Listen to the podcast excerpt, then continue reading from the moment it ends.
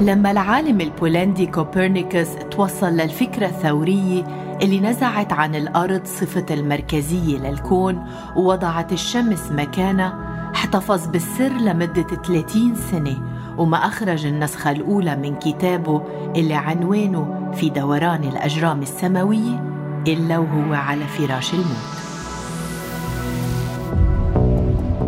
كوبرنيكوس كان يمكن عارف إنه عم يطوي فصل طويل من تاريخ البشرية وعلاقة الإنسان بالكون ومكانه فيه.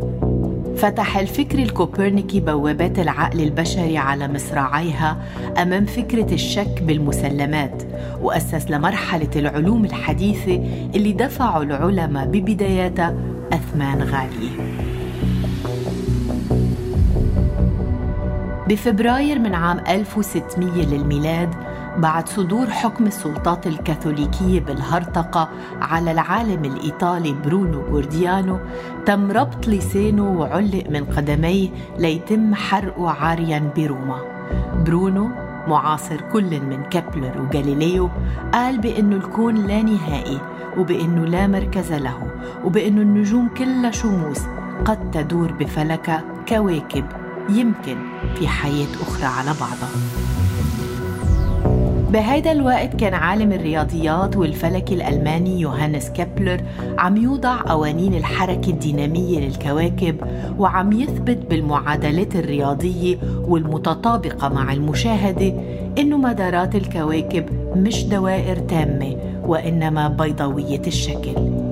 لكن كيبلر ما فسر سبب تغير سرعة الكواكب أثناء عملية الدوران. جاليليو الفلورنسي من جهته كان عم بيطور أول تلسكوب بياخد عين الإنسان إلى أعماق السماء. جاليليو كان أول من شاهد القمر بكل تضاريسه وديانه وحفره. ولما لف التلسكوب صوب المشتري شاف أقماره عم بتدور حواليه واستنتج بالملاحظة إنه مش كل شيء بدور حول الأرض.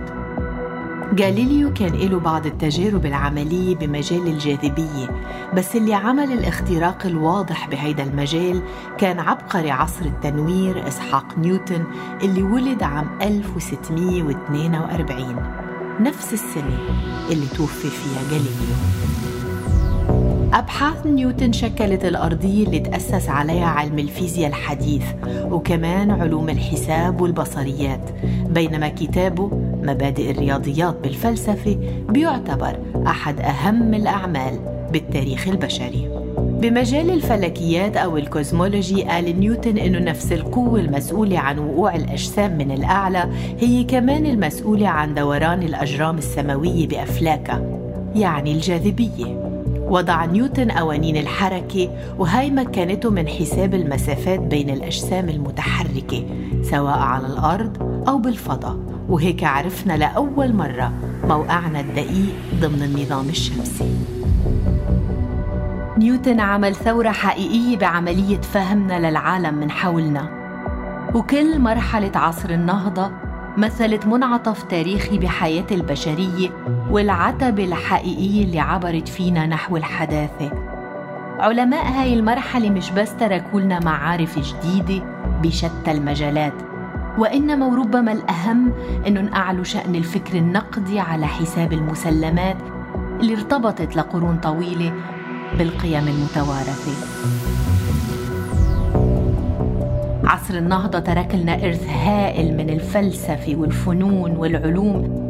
ارتكزت عليها محاولاتنا اللاحقة لإدراك خبايا هذا الكون وألغازه. من دون أبطال عصر النهضة كان يستحيل يكون عنا تلسكوبات عم تستكشف مجرات على بعد مليارات السنوات الضوئية. وأكيد من دون الثورة المعرفية اللي خلفها عصر النهضة ما كنا قدرنا نصول ونجول بمركباتنا على امتداد النظام الشمسي.